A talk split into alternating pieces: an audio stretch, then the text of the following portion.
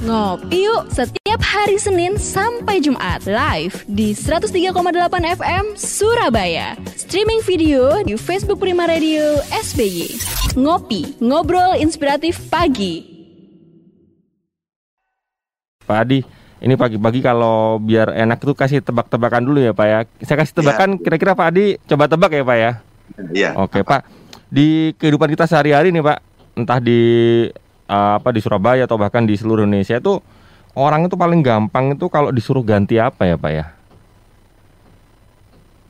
Suruh ganti apa? Hmm, satu kata aja Pak. Kira-kira bisa nebak gak Pak? Yang paling gampang kalau orang kita suruh ganti itu ganti apa? Paling gampang ganti apa Pak? Tahu jawabannya Pak? Pas. Pas, pas, pas. Disuruh ganti pasangan Pak. Gampang banget, cepet banget orang kita suruh ganti pasangan. Ngopi. Ngobrol inspiratif pagi. Kenapa saya ngajakin ngomong ganti-ganti Pak? Karena tema kita hari ini ternyata sama gantinya Pak ya, tapi bukan ganti pasangan ya Pak ya, tapi ganti kewarganegaraan. Betul. Jadi saya sendiri nggak nggak sendiri sahabat Prima seperti biasa. Kalau hari Kamis itu kita ngobrol seputar hukum dan sekarang saya ditemani oleh Bapak HR Adianto Mardiono SHMSI. Uh, beliau akan menjadi narasumber untuk ngopi sampai satu jam ke depan dengan tema adalah ganti kewarganegara kewarganegaraan. Itu sebenarnya gampang atau malah sebaliknya malah susah. Jadi Anda bisa uh, dapat banyak insight nanti dari sini dan juga sekali lagi boleh kalau Anda mau bertanya mungkin ada yang kepikiran uh, pengen berganti kewarganegaraan atau mungkin ada saudara yang memang lama stay di luar dan kemungkinan akan ganti kewarganegaraan boleh tanya-tanya juga sekalian dikirim ke WA-nya kita dikirim sekarang juga ya ke 08 11 301038 sekali lagi di 0811 301038 dan untuk penanya yang beruntung ya kita akan kasih merchandise dari Cheers karena Cheers punya produk baru nih Cheers Alkaline Power 230 mili. Jadi dia punya pH alkaline sampai 8,5 bisa membantu menyeimbangkan pH tubuh sahabat prima sehingga daya tahan lebih terjaga dan melindungi Anda dari virus. Bentuknya kecil, seksi, memudahkan untuk dibawa ke mana pun dan kapan pun. Untuk pemesanan area Surabaya silakan hubungi 0877 7724 3377 atau 0807 124 Jadi sahabat Prima yang di rumah aja ya kami nanti yang akan kirim dan antar semuanya. Cheers Alkaline Power 230 mili, seksi, healthy, and easy. Saya kembali lagi ke Pak Adi. Saya panggil Pak Adi Ya. aja ya Pak ya. Oke, oke, Baik. Mas. Pak Adi ini sebelum eh, apa kita ngobrol lebih dalam tentang ganti kewarganegaraan. Itu kalau di negara kita itu kok saya lihat kalau dari bola kayaknya banyak ya Pak. Kalau dari bola kan orang asing masuk ke Indonesia. Nah, kalau di luar bola gitu mungkin sering nggak sih Pak sebenarnya Pak kalau negara kita itu orang ganti kewarganegaraan atau mungkin saya aja yang belum tahu informasinya monggo Pak Adi silakan. Oke, baik, Mas. Sebelum eh, kita masuk lebih jauh, eh, lebih baik coba kita sedikit singgung secara teori atau definisinya. Sebetulnya kewarganegaraan itu apa? gitu ya. Jadi kewarganegaraan atau yang lebih dikenal dengan citizenship, citizenship itu sebetulnya pada hakikatnya adalah merupakan sebuah eh, ID yang menunjukkan adanya hubungan antara negara dengan warga negaranya. Jadi artinya sebuah eh, ID atau card atau keanggotaan yang menunjukkan bahwa ada hubungan antara si pemilik ID itu dengan negaranya. Citizenship, jadi kewarganegaraan. Tadi yang disampaikan oleh Mas bahwa gampang atau sulitkah untuk berpindah-pindah? Ah, ini nanti uh, lebih detail adalah pada kepentingan. Untuk apa? Tadi sudah disinggung sedikit, bagus. Pemain bola.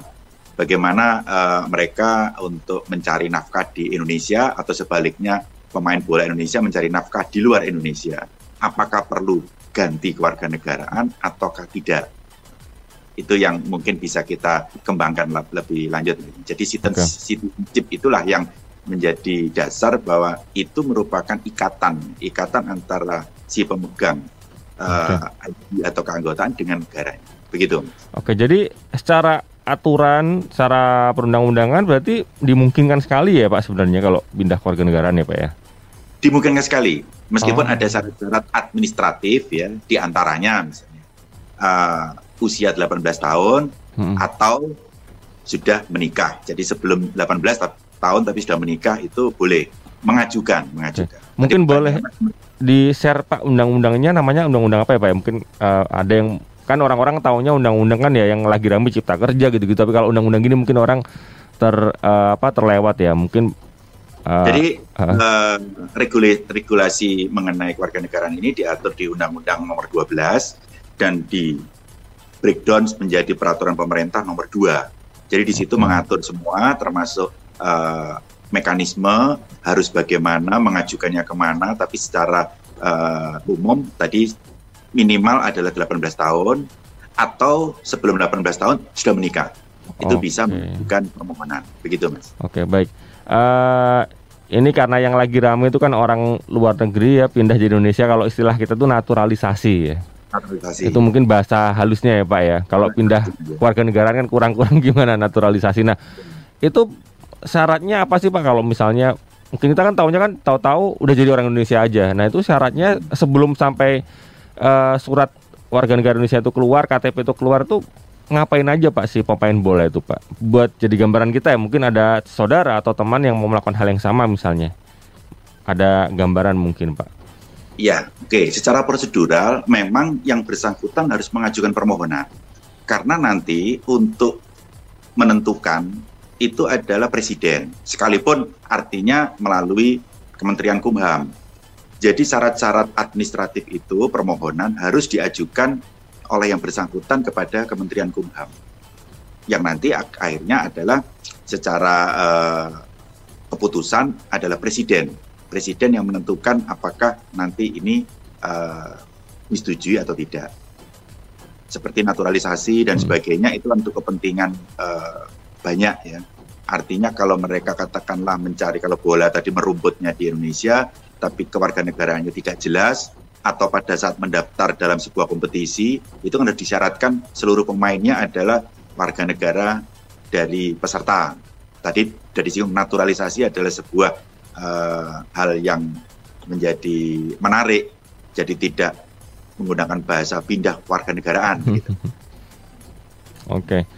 Tapi kalau sebenarnya kayak gini Pak, itu cuma ada di negara kita atau bahkan di negara lain ada ya Pak kayak gini Pak ya? Mungkin ada info gitu Pak atau cuman gara-gara negara kita mungkin maaf ya eh, prestasinya kurang bagus jadi akhirnya wah pemain bola yang bagus-bagus silakan aja masuk ke sini mungkin ya. Tapi apakah di negara lain juga melakukan hal ini Pak? Maksudnya eh, boleh pindah warga negara negara yang lain. Ya. Di negara lain justru lebih strike, mas, lebih lebih tegas begitu. Artinya kalau misalnya katakanlah mereka misalnya katakanlah ada anggota sanak keluarga kita menempuh pendidikan ke sekolah misalnya di Amerika misalnya. Jika mereka tidak tidak menentukan eh, me- secara administratif melaporkan diri, terus secara berkala melaporkan diri, kemungkinan terburuk ya, kemungkinan terburuk bisa hilang kewarganegaranya dua-duanya Hmm. di Indonesia-nya sudah hilang, di Amerika Serikatnya atau di negara tujuannya belum diterima. Ini ini sangat riskan begitu.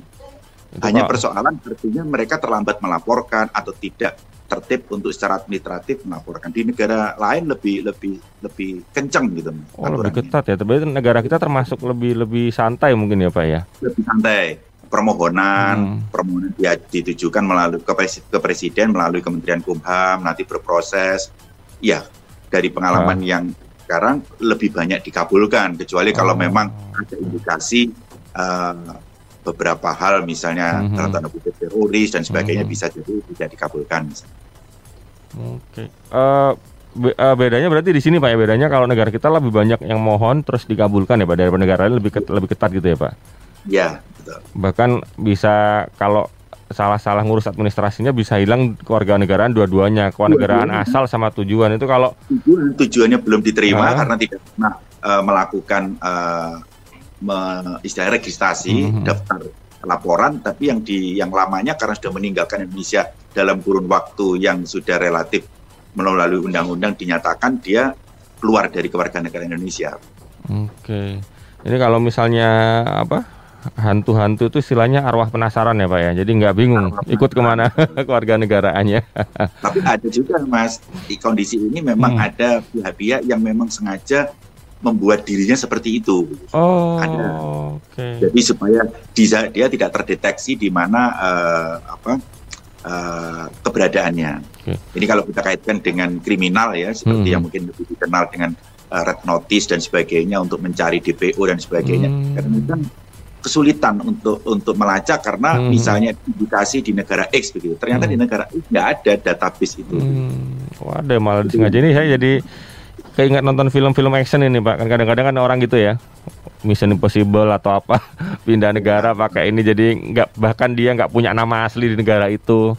Ternyata di kejadian sehari-hari juga ada yang berusaha seperti itu ternyata ya pak.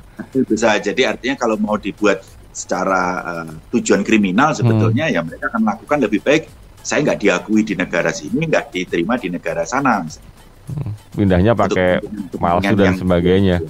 Gitu. Nih ini yang lagi rame sekarang ini nih pak yang Afghanistan kembali dikuasai oleh Taliban. Itu kan saya baca beberapa berita itu warga negara yang mungkin merasa tidak nyaman dia akhirnya pindah ke negara lain. Cuman memang sih negaranya nggak di Indonesia yang banyak ya di beberapa negara terdekat lah. Itu bisa ya pak gitu pak ya? Bisa. Ah, artinya secara eh, peraturan umum in general ya in general internasional itu dimungkinkan. Artinya eh, justru eh, warga negara atau masyarakat dilindungi. Jadi sedapat mungkin jangan sampai ada orang itu tidak punya citizenship atau kewarganegaraan. Misalnya di negara tertentu tidak diterima terus dia muncul dan mengajukan permohonan di negara lain itu oleh negara lain tentunya dengan prosedur tertentu ya seperti verifikasi dan sebagainya akan diterima. Oke.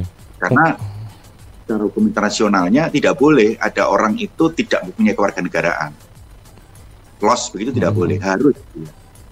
Yang dipilih yang mana? Negara mana? Kan banyak contoh lain yang mungkin lebih spesifik mas. Hmm, menikah orang Indonesia menikah dapat orang asing begitu. Nah, kebetulan terus eh, tinggalnya tidak di Indonesia, tinggalnya di negara asing juga bukan tinggal di negara asing asal suaminya. Hmm, Terus oke. lahirlah anak. Nah ini kan tak eh, menjadi ikut pertanyaan. siapa anaknya Nah, anak ini ikut, nah ini menarik. Ikut Mhm. WNIK karena ibunya orang Indonesia, ikut WNAK karena bapaknya orang Amerika, padahal dia tinggal di Australia misalnya.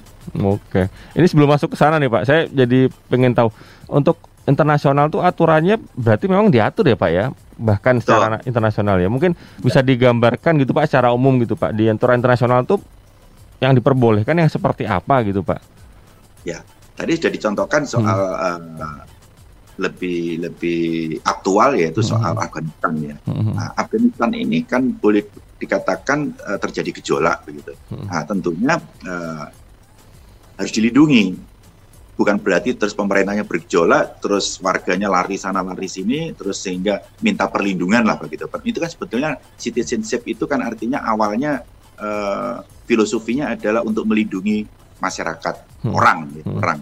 Sehingga kalau misalnya dia katakan lari ke Indonesia sekalipun begitu, ya tentunya Indonesia dengan segala pertimbangannya dalam tanda kutip wajib untuk untuk mengabulkan begitu. Tidak bisa terus enggak saya nggak mau terima kamu, enggak. begitu. Jadi Mhm. ada ada apa kesepakatan internasionalnya seperti itu. Oke, jadi nggak boleh. Saya nggak mau terima Anda nih karena Anda bukan pemain bola, nggak boleh ya Pak ya. Harus di, disamaratakan statusnya. Baik, Pak Adi ini udah yang masuk di WA. Saya izin baca ya Pak Adi ya. Ya, oke, monggo. Udah ada yang masuk ke WA-nya Prima Radio di 0811 30 1038. Selamat pagi Bu Septi. Dia cerita kalau saya punya calon suami warga negara Inggris.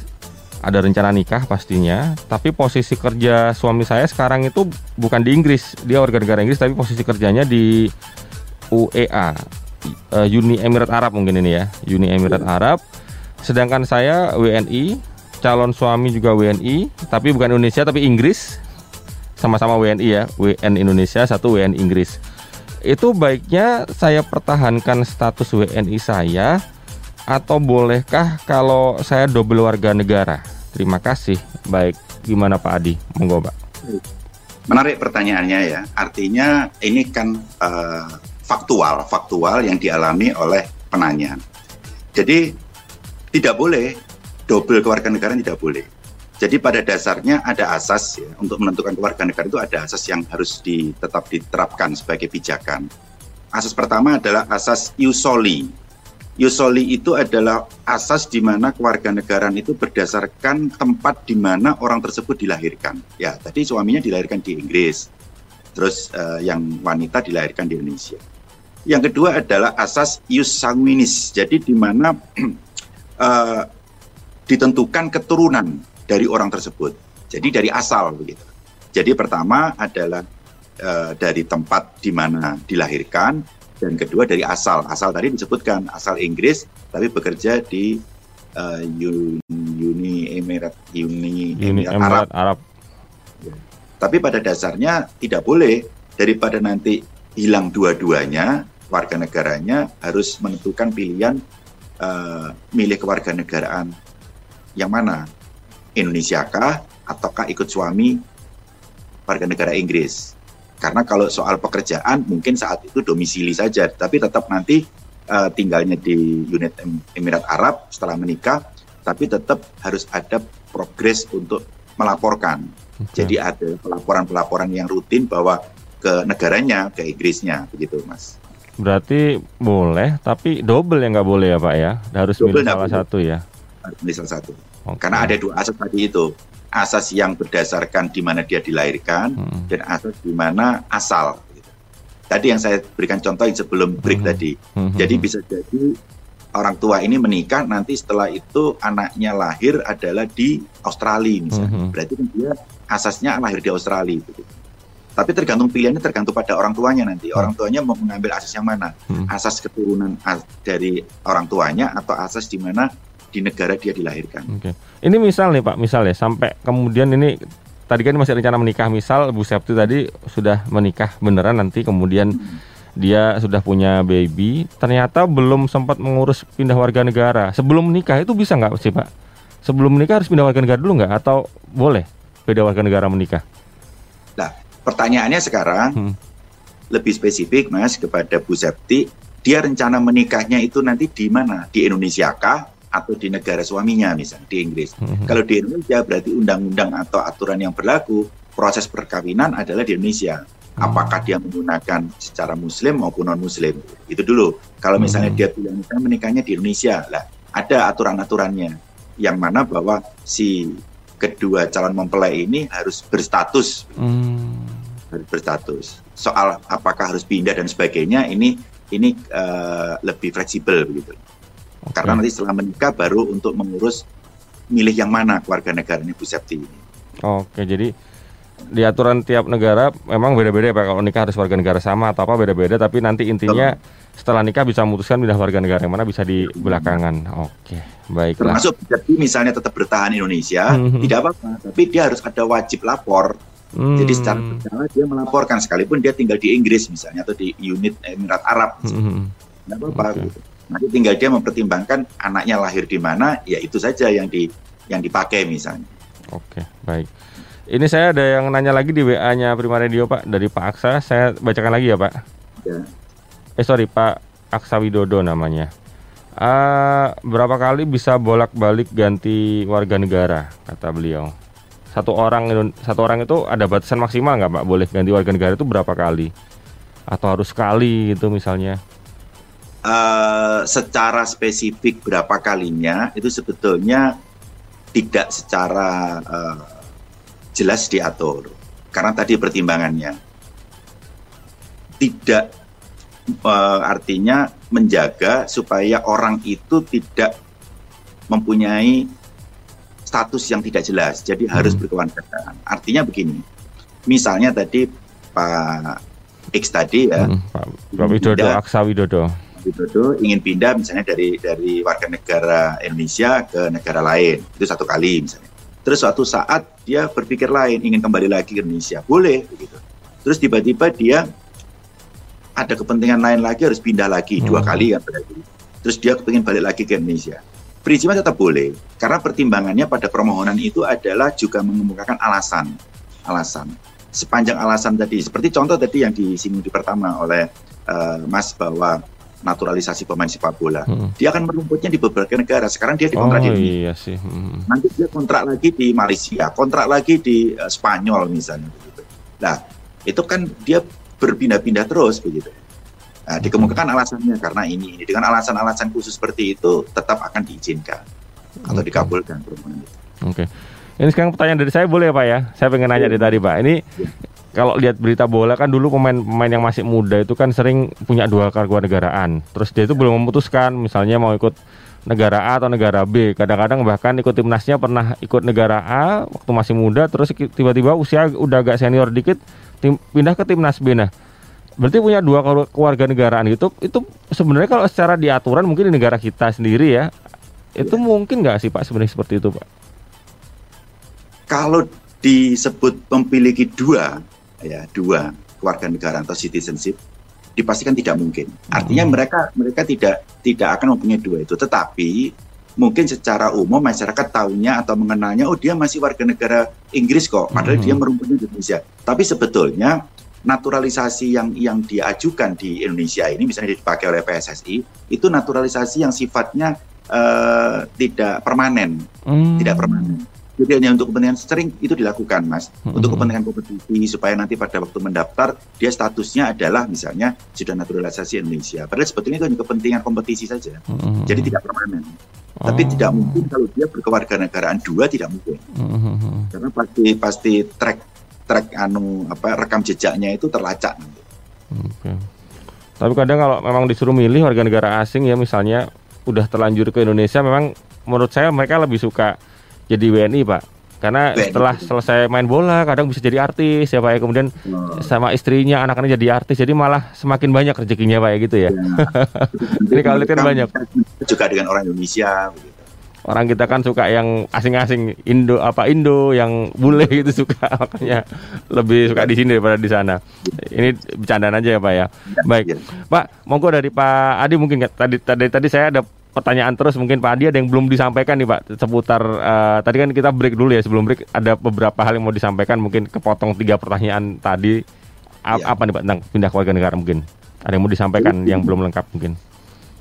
Tadi secara umum sudah kami sampaikan bahwa eh, kewarganegaraan itu adalah hak. Jadi tidak mungkin artinya permohonan kewarganegaraan tersebut ditolak.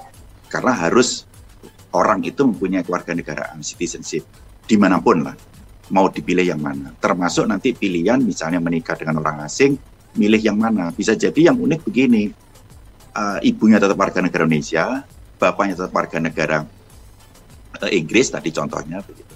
Nah pada waktu si anak ini karena lahir di Australia begitu, mungkin karena pertimbangan bahwa supaya eh, tidak eh, blok kepada ibunya, tidak blok pada bapaknya. Justru pengajuan si anak ini lahir, dia ikutkan warga negara Australia. Gitu. Jadi ini kan menjadi unik satu keluarga, keluarga negaraannya adalah eh, berbeda. Tetapi secara periodik kewajiban dari mereka harus tetap melaporkan di mana uh, home base kewarganegaraannya. Karena tadi kalau tidak melaporkan ini strike sekali akan hilang kewarganegaraannya. Nah ini yang yang uh, perlu digarisbawahi bahwa jangan sampai hilangnya kewarganegaraan ini akan tentunya karena ini administratif ya akan merugikan banyak banyak persoalan begitu. Oke. Jika ini di diabaikan oleh oleh orang yang uh, tadi kebetulan uh, orang Indonesia tapi karena kerjanya di luar negeri kerja saja begitu ya dia harus harus harus melaporkan harus secara periodik supaya tidak nanti hilang kewarganegaraan begitu Memang kalau ngomongin hilang kewarganegaraan tuh banyak orang kita yang takut ya Pak ya. Takut takut Gampangannya gini pak, kalau di rumah orang tua ngancem, kamu macam-macam tak coret dari kakak, udah takut ya anaknya ya. coret dari kakak aja takut, apalagi hilang keluarga negaraan, pasti lebih takut lagi. Makanya orang-orang kita tuh masih eh, karena nggak tahu ya saya di negara, negara lain di negara kita itu kan keluarga negaraan sangat penting bahkan mengurus eh, hal kecil sekarang masuk ke tempat apa menunjukkan kartu identitas bahkan harus ditunjukkan karena kan pandemi dan sebagainya. Jadi ternyata kalau dulu mungkin nggak nggak seribet ini tapi sekarang masuk ke tempat-tempat tertentu bahkan harus menunjukkan kartu identitas dicocokkan dengan kartu vaksin dan sebagainya. Berarti kan memang sepenting itu sebenarnya identitas diri atau kewarganegaraan kita. Baik ada Pak Ardianto Mardiono tadi sudah menyampaikan banyak hal yang saya tangkap tadi salah satunya adalah ternyata menurut aturan internasional itu bah- bahkan malah sangat disarankan satu orang, satu manusia itu harus punya satu keluarga negaraan. Jadi sangat uh, tidak dianjurkan orang itu nggak punya uh, keluarga negaraan. Jadi bahkan malah didorong orang punya keluarga negaraan satu ya, nggak boleh double yang pasti karena di aturan internasional itu double nggak boleh, tapi satu.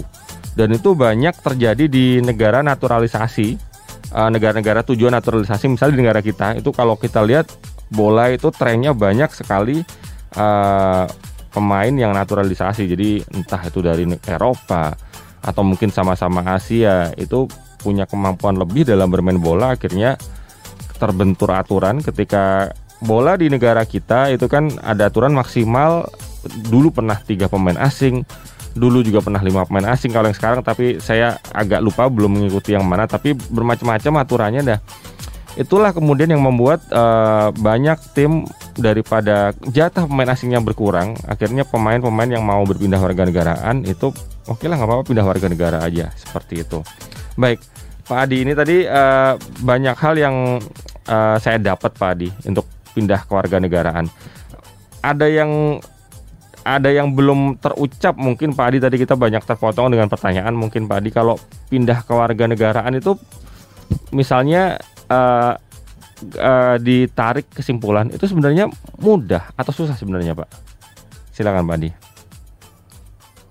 Yang jelas secara prosedur setiap uh, pindah kewarganegaraan itu harus mengajukan permohonan. Contoh di Indonesia itu mengajukannya kepada presiden tapi melalui Kementerian Kumham.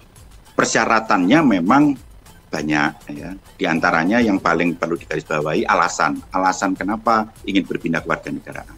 Nah, dari berbagai eh, persyaratan itu jika disimpulkan mudah atau sulitkah untuk pindah kewarganegaraan menurut menurut hemat kami karena ya karena negara atau citizenship itu adalah mutlak ya, hak dari warga negara dan pemerintah tidak boleh menghalang-halangi. Jadi dengan alasan-alasan yang yang cukup relevan akan dikabulkan. Gitu.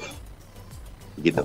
Oke, jadi mudah sepanjang saya lagi syarat-syaratnya terpenuhi. Baik gitu. Ya, alasan khususnya alasannya. Kenapa uh, mengajukan permohonan pindah? Oke baik.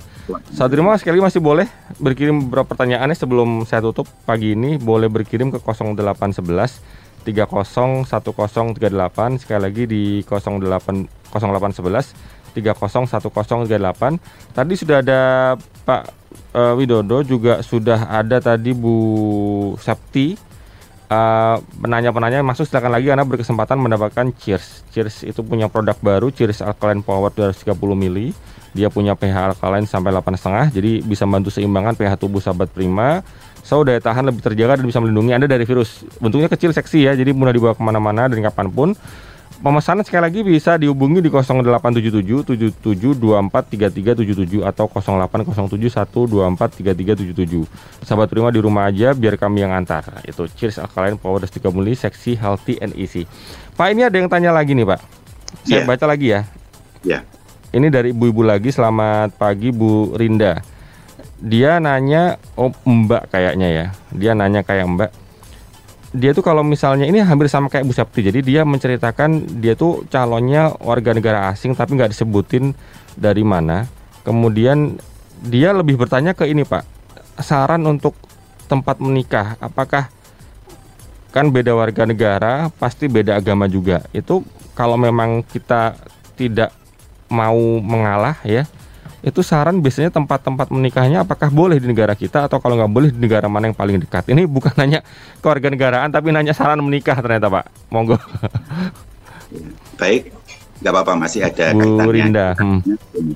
uh, idealnya idealnya memang harus satu keyakinan misalnya idealnya.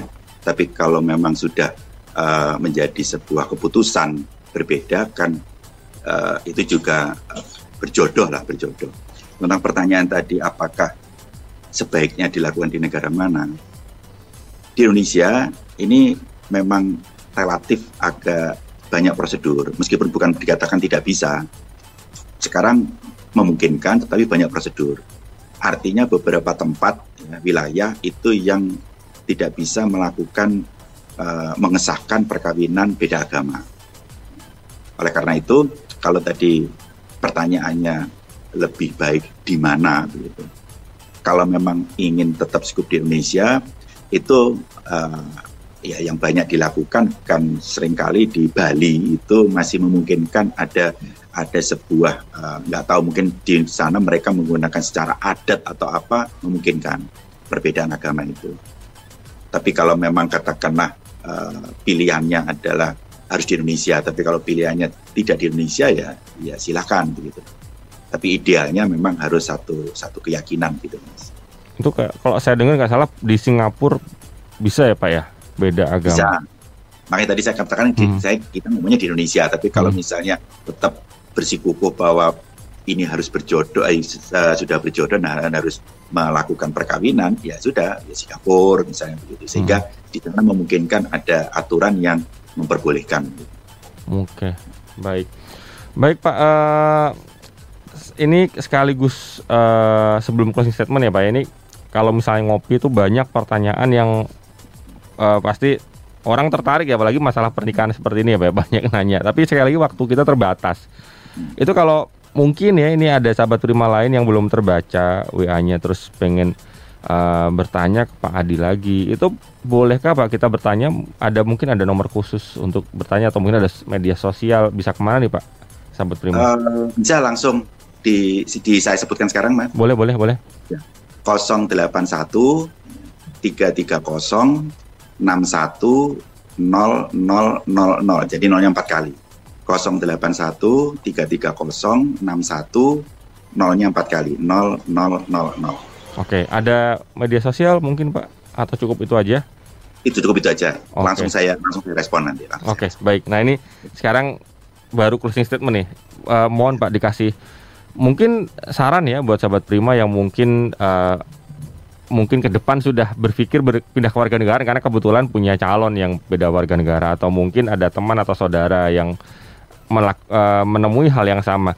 Saran Pak buat sahabat Prima tentang kewarganegaraan nih Pak plus closing statement untuk ngopi kita uh, pagi hari ini. Silakan Pak Monggo. Oke, baik. Uh, jadi terkait dengan citizenship kewarganegaraan, seyogyanya jika kita sudah dilahirkan, keturunan, jadi dua asas itu sudah melekat di Indonesia, yaitu kita pertahankan. Ya. Tetapi dengan berbagai perkembangan, jika memang harus berjodoh dengan uh, warga negara asing sedapat mungkin juga dipertahankan dulu. Toh itu tidak mengganggu perkawinan. Tetap Indonesia bahkan anaknya pun nanti misalnya katakanlah tetap dibuat warga negara Indonesia sekalipun ayahnya mungkin atau ibunya warga negara asing. Itu adalah untuk untuk melihat konsistensi ya kita sebagai uh, dua asas itu kita kita sudah patuhi baik dari dasar dilahirkan di Indonesia maupun dari keturunan di Indonesia. Tapi jika dengan pertimbangan pekerjaan dan sebagainya itu kan memang tidak bisa dihalangi, mas. harus berpindah ke warga negaraan, tapi itu pilihan yang yang terakhir lah, gitu. begitu. Oke, itu satu satu closing statement dari Pak Adi. Terima kasih ya Pak. Ini yang banyak masuk kayaknya malah seputar pernikahan ya Pak ya. ya. Temanya keluarga negara dengan nanya malah pernikahan semua nggak apa-apa lah. Memang pandemi gini banyak musim nikah ya Pak ya. baik Pak Adi, terima kasih Pak Adi. Kenapa Pak? Masih ada kaitannya. Masih ada kaitannya. Oke baik. Pak Adi Yanto Mardiono, terima kasih banyak sudah memberikan kita banyak insight sekali dari jam 9 tadi sampai jam 10 kurang ini. Tetap sehat terus ya Pak ya. Tetap sehat ya, terus. Semua aktivitas kita sampai sore nanti bisa ditutup dengan aktivitas yang ya semuanya nyaman, aman, nggak ada masalah yang berarti. Saya Oktina Nugraha pamit, mewakili Pak Adi juga. Terima kasih, pamit juga Pak Adi. Kita ketemu lagi di Ngopi, sahabat Prima, ngobrol inspiratif pagi ya setiap hari Senin sampai hari Kamis jam 9 sampai jam 10 pagi. Selamat pagi menjelang siang, sahabat Prima. Bye. Waktunya ngopi nih. Ngopi yuk setiap hari Senin sampai Jumat live di 103,8 FM Surabaya. Streaming video di Facebook Prima Radio SBY. Ngopi, ngobrol inspiratif pagi.